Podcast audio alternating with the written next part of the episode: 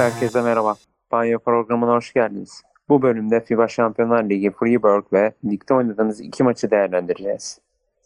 Evet Yusuf abi, Avrupa maceramız ile ilgili ne düşünüyorsun?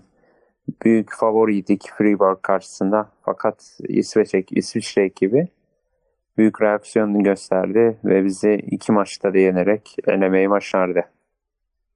Enes çok hevesli bir e, maceranın başlangıcındaydık. Şampiyonlar Ligi olmadı. Tabi Euro Cup'ta devam edeceğiz. E, Freeborg karşısında nispeten favori gibiydik. Özellikle Donar serisinde izlediğimiz takıma karşı. E, ilk maçın ilk çeyreğinden sonra çok ciddi bir reaksiyon verdiler.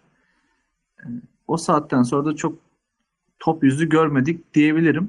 Ha, e, aslında ya ben Adapazarı'ndaki maça da gittim. E, biraz o maçtan bahsetmek isterim. Yani bizim bench oyuna tam ısınamadı. E, Salomu ilk maçın yıldızı gibiydi. Ne atsa girmedi. Her e, isabetsiz şutunda geri çıktı. Oyundan soğudu. Yani kötü başladı ikinci maç. Çok kötü bitti. Belki bizim için ligde daha az yorucu bir kupa diye söyleyebileceğimiz Europe Cup macerası bir avantaj olabilir. Çünkü yani lig başlangıcında da gördük, ileride konuşuruz ileriki dakikalarda. Yerli rotasyonu takımlar arasında belirleyici bir kriter. E, haftada 3 maç daha çetin bir Avrupa Ligi'nden ziyade e, Europe Cup bir avantajımız olabilir. Freiburg bu arada çok sıkı bir takımmış. E, daha doğrusu bir takımmış. Onu biz bayağı gördük. E, benim şöyle bir tespitim oldu Fribourg'a Fribourg dair. E, tabii programlara özellikle hazırlanırken biraz takip ettik takımı. Her maçta iki ayrı oyuncusu yani ben dört maçını izledim. Her maçta iki ayrı oyuncusu toplamda da 7-8 oyuncusunu maçın yıldızı diye aktarabildik. Biz daha çok kişisel bir takım gibi kalıyoruz. Onlar kendi, her maçın yıldızını kendi işlerinden çıkartabiliyorlar. Bence takım olmalarına yenildik. Ve biz tamamen yeni bir kadroyuz. Onlar yıllanmış e, bir takım. Son devre e, yaz tatilinde de bir iki takviyeleri vardı. Hocaları bayağıdır onlarla birlikte. Bence bunun sıkıntısını yaşadık. Benim yani söylemek istediklerim bu kadar. Avrupa Şampiyonlar Ligi maceramıza dair. Hocam sen ne düşünüyorsun? Yani e, ilk maçın sonuna gitmek istiyorum ben. O, o sekansı hatırlatmak istiyorum. Aslında biz iki sayılı öndeydik ve e, Tony Douglas da iki serbest atış kullanacaktı. Yani en kötü birini sokar e, diye düşünürken ikisini de kaçırdı. E, bundan daha kötüsü olmaz herhalde diye düşünürken bu sefer e, bir üçlük yedik ve faal yaptık. Orası bizim için bir kırılma noktası oldu mental olarak. Çünkü oyuncularımız burada oynadığımız iç saha maçında hemen hemen hiçbir varlık gösteremediler. Hiçbir reaksiyon vermediler. E, evet e, belki Freiburg takımı bizim maça gelmeden önce daha fazla resmi maça çıkmıştı. Avtalor gibi yine e, kağıt üzerinde favori bir takım yenip gelmişti. E, momentum onlardan yanaydı belki ama e, kadro kalitesi olarak bize hiç yakışmayan bir e, performans sergiledik. Olsun e, Avrupa'da tecrübe edindik diyelim. İnşallah bundan sonraki Avrupa serüvenimiz çok daha başarılı geçer. İnşallah e, Europe Cup'ta göreceğiz bakalım. Lige dönelim. Ligde iki maç oynadık. iki mağlubiyet aldık. İlk maçımız Türk Telekom'a karşı, karşı 55-65 düşük skorlu bir maçtı. Yani ilk başlarda ya Türk Telekom kaçtı biz kovaladık ama 3. periyotta öne geçtik falan başaramadık. İkinci maça gelirsek yüksek skorlu savunmanın olmadığı bir maçtı.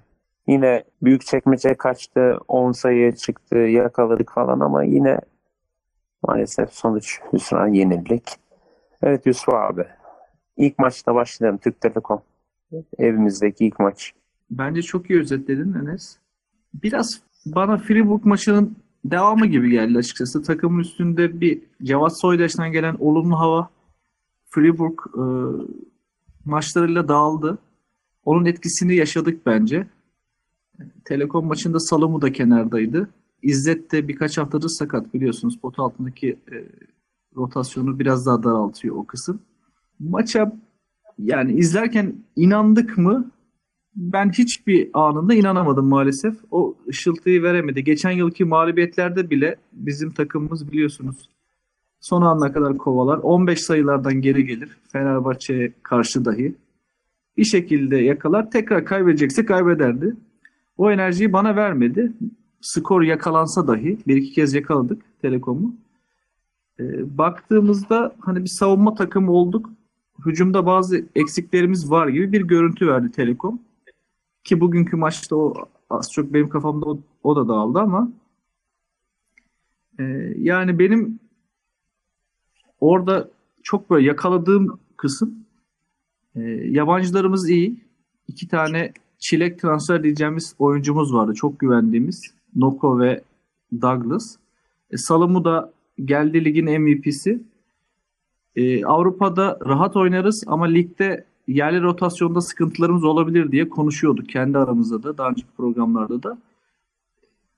O maç gösterdi ki bir yerli rotasyonu bazen özellikle e, işte Alp, Burak Eşlik, Şafak Edge gibi katkılar olmasa daha kötü durumlara düşebilirdik.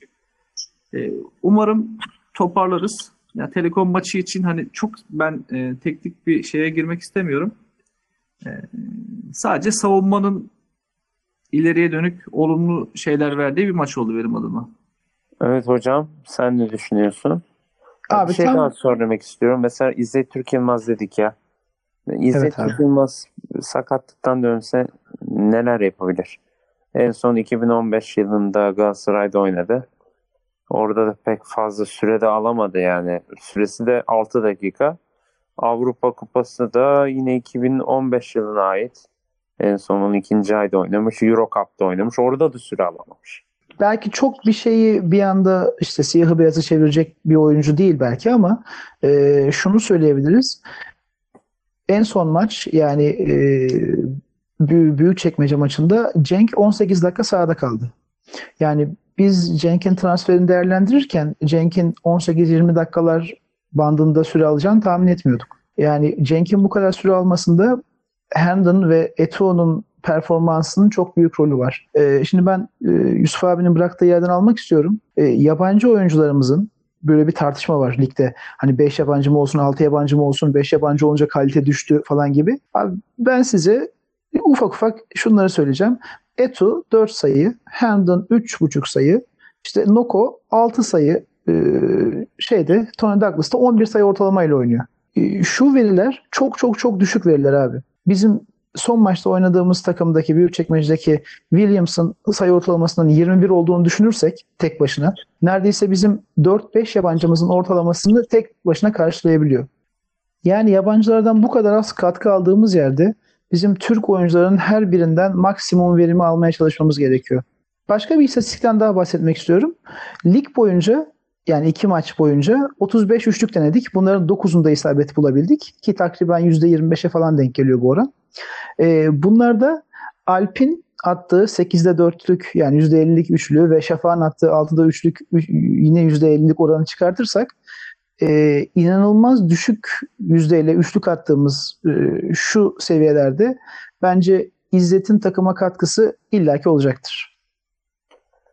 İnşallah hocam. Temennimiz o. Geçen sene TBL'den iki oyuncumuz var. Biri Cenk Şeker oldu. Bugün izledik onu. Bakalım bir de İzzet'i nasıl göreceğiz. Yusuf abi ikinci maça geçelim. Büyük çekmece. Büyükçekmece maçı ile ilgili öncelikle şunu söyleyeyim. Bir basketbol maçına seyircisiz ceza vermek ne kadar ak- akıl kârı. Hani federasyon burada bence çok büyük bir eleştiri hak ediyor. Yani misal ben İstanbul'da yaşıyorum. Ailemle maçlara gide, gidebiliyorum. Senede 3-4 maça İstanbul'da. Takım 4-5 aydır İstanbul'a gelmedi. İlk geldiğinde e, böyle bir cezayla karşılaştık. Maça gidemedik. Artık Efes maçına kısmet diyoruz. Yusuf abi bölüyorum kusura bakma ama en azından tamam Büyükçekmece taraftarı ceza almış olabilir ama deplasman taraftarına izin verebilebilir. Yani onların aldığı ceza yüzünden deplasman taraftarı cezalandırılmamalı bence. Ya şöyle abi mesela biz geçen sene Eskişehir'le seyircisiz oynadık. TBL'de playofflardan kalma cezamızı çektik. Onlarla biz geçen sene karşılaştığımızda 3 kere anons yapıldı. Onların salonunda. Ve seyircisiz oynama cezası aldılar. O da ilk Sakarya Büyükşehir basketbol maçıyla oldu. E, cezalarını çektiler. Ama bana kalsa bence de dediğiniz gibi yani rakip seyircinin girmesi lazım. Onunla alakası yok. Kesinlikle. Evet abi devam Maça ediyorum. gelirsek e, ilk maçta Telekom maçında daha doğrusu Freeborg serisi ve Telekom maçın maçlarında e, şöyle bir şey ortaya çıkmıştı. Ya bizim takımın böyle bir iki dokunuşa ihtiyacı var gibi. İşte biraz hani Noko beklenen şeyi verse, Douglas e, performansını ortaya koysa işte bir point guard ihtiyacı var bu takımın. Yoksa alır yürür gibi e, bir görüşümüz var. Savunmamız da iyi gibiydi. E, yabancılardan hiç performans gelmeyince Salomu da sakattı birinci maçta. En azından şöyle baktık. İşte savunmada iyiyiz. E, bugün o algıyı da yıktı takım. Yani 92 yedik. E, büyük çekmeceden. Maçı aldı götürdü diyebileceğimiz adamların tamam bench'ten. Yine aynı üçlüye geleceğim. Özellikle bu maçta yıldızlaşan Burak Eşlik. E, ortalamada iyi bir yere otu- oturan Şafak Edge ve eli titremeden bir şeyler yapmaya çalışan en genç oyuncularımızdan Alp'le e, maça tutunmaya çalıştık. E, ikinci yarı başlangıcındaki 5 dakikayı saymazsak ben açıkçası takımın performansından çok tatmin olamadım. Yani çok iyi bir ışık vermedi ama yeni bir takımımız. E, ilerleyen haftalarda ki basketbol nasıl saha içinde sürekli maçta girdili çıktılı bir oyun. Bench desteği önemli. Ben transfer anlamında da yönetimin ya da hocanın böyle bir şey yapabileceğini düşünüyorum. Yani bir e, out yani Hendon'la devam edeceklerini düşünmüyorum ben açık söyleyeyim. E, ve onun yerine ortalamada bugün mesela gördük adamların 5 numarası maçın her şeyini değiştirdi. E, karşısında performans gösteremedik. Bize öyle birisi değil de e, Noko'yla paslaşacak. Yani 20 dakika, 25 dakika güzel bir performans ortaya koyacak. Ortalama bir 4 ya da 5 numara alınır diye tahmin ediyorum. Bir de point guard açığımızı gidermeliyiz. Mümkünse yerli bir oyuncuyla. E, bu eksikliklerden sonra bence bizim takım ileriye dair bir ümit verebilir.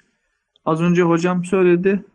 E, yani ilk 5'te üçlük atan oyuncu 3'te 1 ile Kerem. Diğer tüm arkadaşlar %0'la atmış. E, bunların arasında Douglas ve Salomu var. E, yani çok iyi değiliz.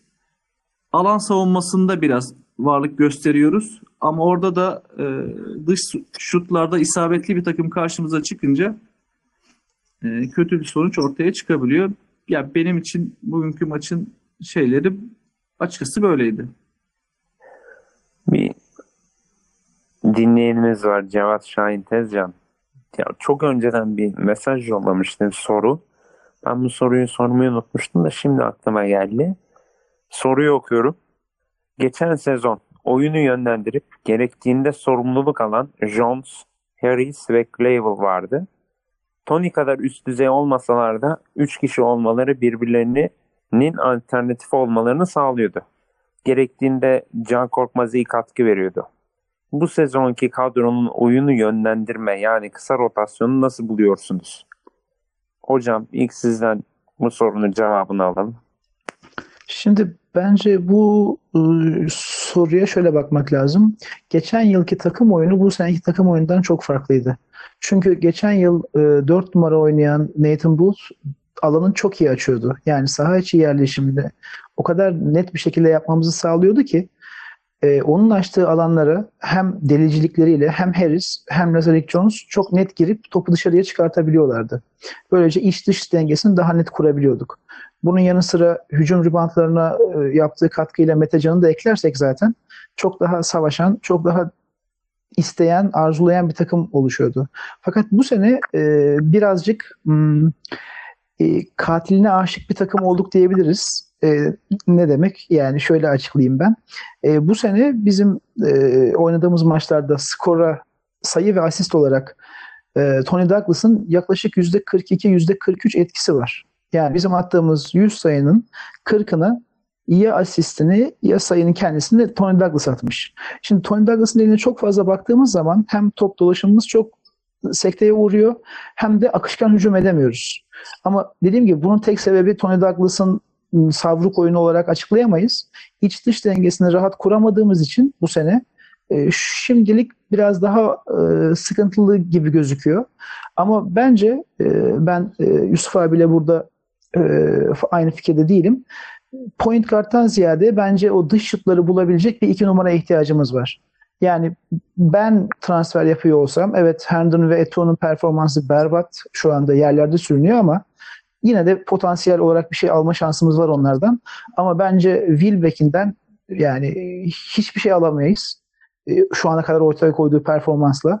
Hem eşleşmelerde çok kısa kalıyor hem topu yönlendirme konusunda e, yetersiz kalıyor. Topa baskı konusunda da aynı öyle savunmada. Bence ceza şutlarını kesebilecek, ceza şutlarını sokabilecek ve e, organizasyonda yardımcı olabilecek bir shooter guard e, daha iyi bir transfer olacaktır diye düşünüyorum. Ya doğru soru aslına bakarsan. Ee, sadece şunu da hatırlamakta fayda var. Hani tekrara girmeden ben e, devam edeyim cevaba.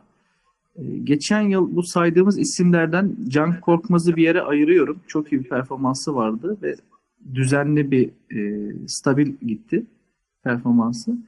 E, özellikle yabancılardan çok iyi verim aldığımız dönemler oldu. Aynı maç içerisinde büyük dalgalanmalar da gördük. E, birkaç hafta yokları oynayanlar da oldu bunların arasında.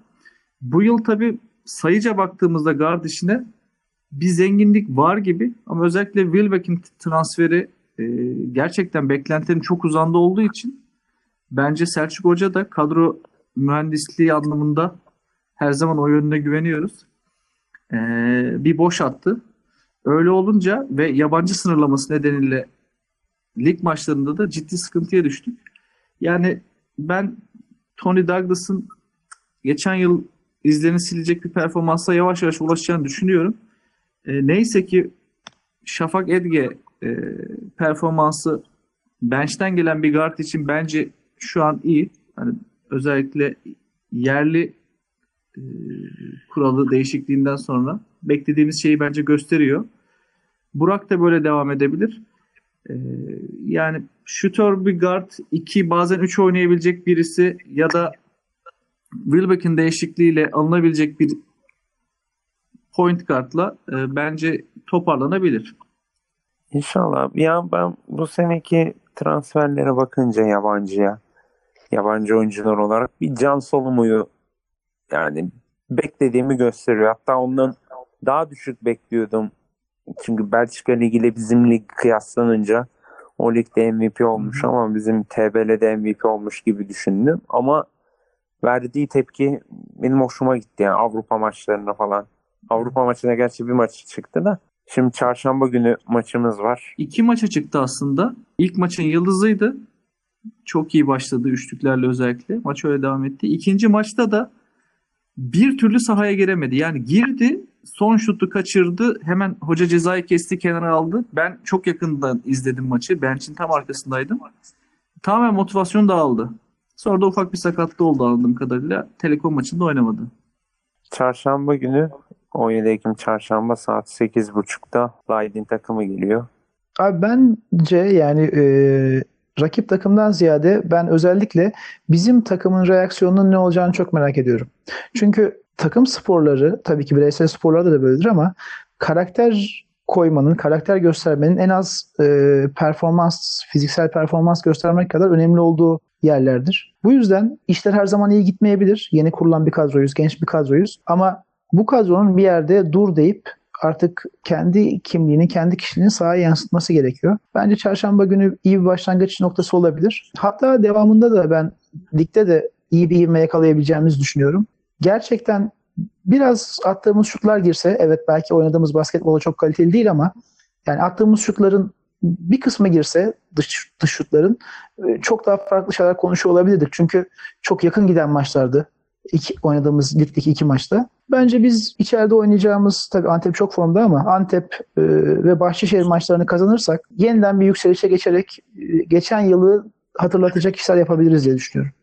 İnşallah Antep de çok formda ya. Hele Bahçeşehir'i izledim. Ya harika oynuyorlar. Çarşamba günü Hollanda ekibi Leiden'la oynayacağız. Senin de söylediğin gibi. Normal sezonu kendi liglerinde dördüncü bitirmiş bir takım. Ve aşağı yukarı 80 sayı atıp 76-77 sayı yeme alışkanlığı var. E, playoff'a kalmışlar haliyle. Playoff'ta da finallerde tanıdık bir ekiple oynamışlar. Donar Groningen. Şampiyon 4-0'la Donar olmuş. Ya bu bizim için bir referans olabilir ama Yusuf Hocam gerçekten çok doğru bir şey söyledi. Ya biz kendi takımımıza bakalım. Yani aşağı yukarı denk seviyeler diye düşünüyorum. Bizim takım o reaksiyonu bu hafta verir ve lige de e, güzel bir umut taşıyabilir. Ben en azından bu, bu ümidi içimde taşıyorum. E, maçta neler yapılabileceğini göreceğiz. E, diğer rakiplere de çok kısa ben değineyim. E, Almanya'dan Würzburg takımı var. E, bu arada şöyle söyleyeyim. Çok organize bir takım. Yani saha anlamında söylemiyorum. İnternet siteleri, mobil aplikasyonları, taraftar shopları yani müthiş bilet imkanları vesaire. Örnek alınası bir yapısı var. Sponsorundan da kaynaklanıyor tabii. Bu takım playoff oynamamış. Almanya dokuzuncusu. Yani baktığınızda bizim ligimiz Alman ligine göre daha güçlü görünüyor ama bir iki takımı çıkarırsanız yani Anadolu Efes ve Fenerbahçe'yi çıkarırsanız bence denk diye düşünebiliriz. Hani geçen yılki Sakarya olsa çok rahat bir üstünü kurabileceğimiz bir takım ama şu an çok bir şey söyleyemiyorum açıkçası. Denk denk bir takım gibi görünüyor. E, diğer takımsa Rumen takımı da e, enteresan normal sezonu 5. tamamlıyor. Biraz da statüleri de farklı. Playoff'ta şampiyon oluyor. Şampiyonlar Ligi'nde de ilk elemede eleniyor. Oradan bizle beraber Europe Cup'a geliyor. Ben Europe Cup macerasının ligde de işleri rayına oturttuktan sonra güzel geçmesini, herkesin keyif almasını diliyorum. Europe Cup'ta Şampiyonlar Ligi bir yayın yok. Yayını YouTube üzerinden veriyorlar. Her kulüp kendi vermek zorunda. Yani bakalım nasıl seyredeceğiz maçları. Hiç bu, bu kupaya hiç destek yok ya. Yani destek sıfır bu kupaya. Öylesine var olan bir kupa değil. Ya hiç değilse Şampiyonlar Ligi'nde böyle bir galibiyet olunca böyle ufak çaplı bir prim var. Yayın hakkı var. Yayınları falan iyi ya Şampiyonlar Ligi'nin. Ama bu Europe Cup'ta hiçbir şey yok. Peki sizce takım yani sen şimdi çok önemli bir şey söyledin. Hem takım hem yönetim gereksiz Selçuk Hoca nasıl bir gözle bakacak bu turnuvaya? Yani yüzde yüzümüzü verecek miyiz? Yoksa zaten belli zorluklar var. İşte maliyetler ortada, ülkedeki ekonomik durum ortada. Farklı bir karar çıkabilir mi? Bence vermeleri lazım. Yani şimdi burada bir prestij meselesi. Avrupa'da de- oynuyorsun. Rakipler var. Almanya, Romanya, Hollanda. Ya Yani Abi, vermesi lazım. e, işin efor kısmı da çok önemli değil mi Yusuf Hocam? Yani hafta Abi efor kısmı çok gel, önemli ama kadromuz şöyle bakıyorum. belli en nihayetinde. Hı hı. Ama ben şöyle bakıyorum olaya. Şimdi kazanmak bir alışkanlık. Yani siz e, bunu ister istemez oturtmak zorundasınız. Hani nasıl e, takımın belli başlı alışkanlıkları vardır. Mesela bazı takımlar savunmada e, topla beraber dribling yapan oyuncuyu kenara yönlendirir. İşte e, base- baseline yönlendirir. Kimisi içeri yönlendirir. Bunlar alışkanlıklardır takımın. Yani artık gözü kapalı yapacağı şeylerdir. Bence Selçuk Hoca e, ve ekibi e, bu şekilde bir e, şeye gitmeyecektir. Yani o manada bir rotasyona gitmeyecektir benim tahminim. Ama e, tabii ki sizin söylediğiniz çerçeveden bakıldığında da yabana atılmayacak e, gerçekten bir hem yorgunluk hem maddi külfet var. Bakalım göreceğiz. 6 günde iki maç yapacağız.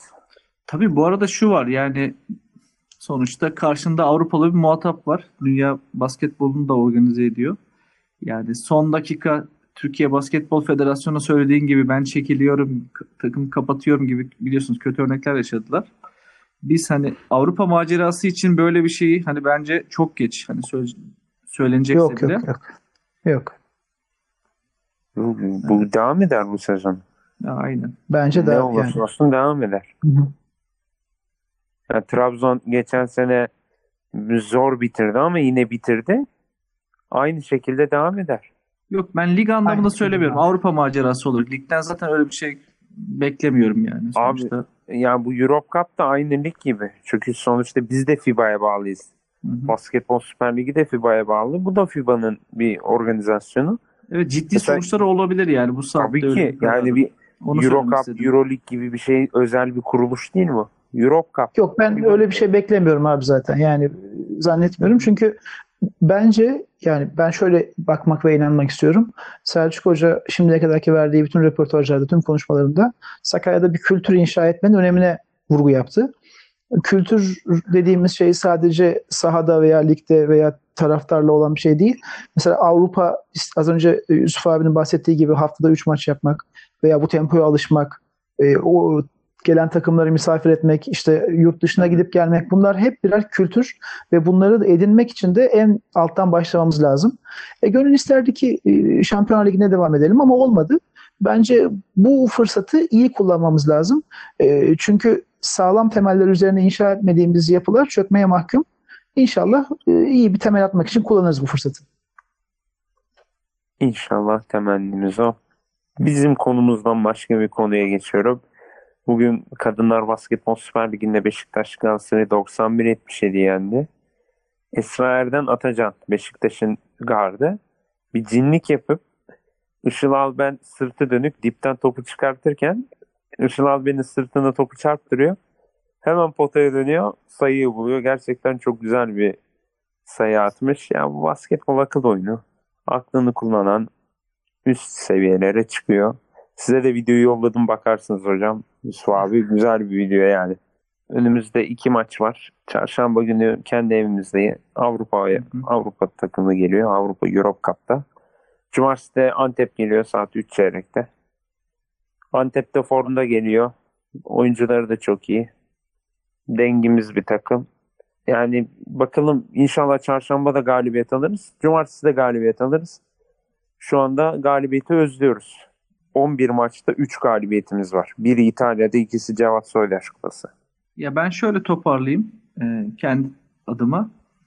E, bu sene lig erkenden belli etti ki çok çetin ceviz geçecek. Ve biz daha henüz hazır değiliz.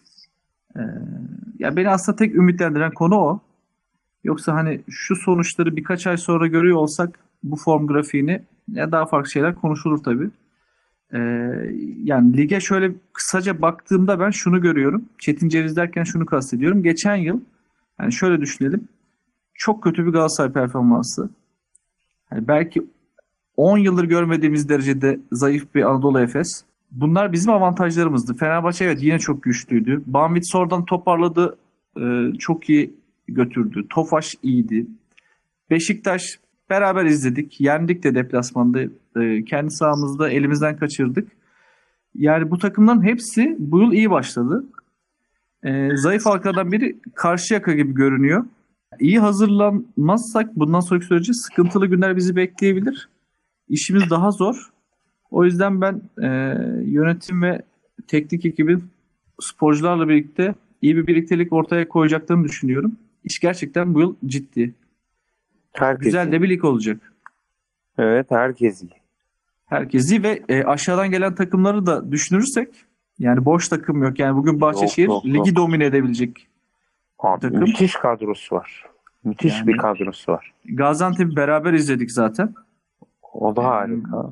E, Yani- Bugün izlediğimiz takıma kim kötü diyebilir? Playoff neden yapmasın? Yani çok iyi bir 5 numaraları var. E, dışarıdan iki tane ne attıysa e, giren iki tane yabancıları var. 2 ve 3 numaraları. Gerçekten uzun ama zorlu bir maraton bizi bekliyor. Allah yardımcımız olsun. Abi. Dediğimiz gibi ülke ekonomisi de sıkıntıda. Bu hem futbol hem basketbol da etkiliyor. Tüm spor branşlarını etkiliyor. Gelirler düştü, giderler fazlalaştı. E, Bu programı burada noktalıyoruz. Bir başka Panya programında görüşmek üzere. Hoşçakalın. Hoşçakalın.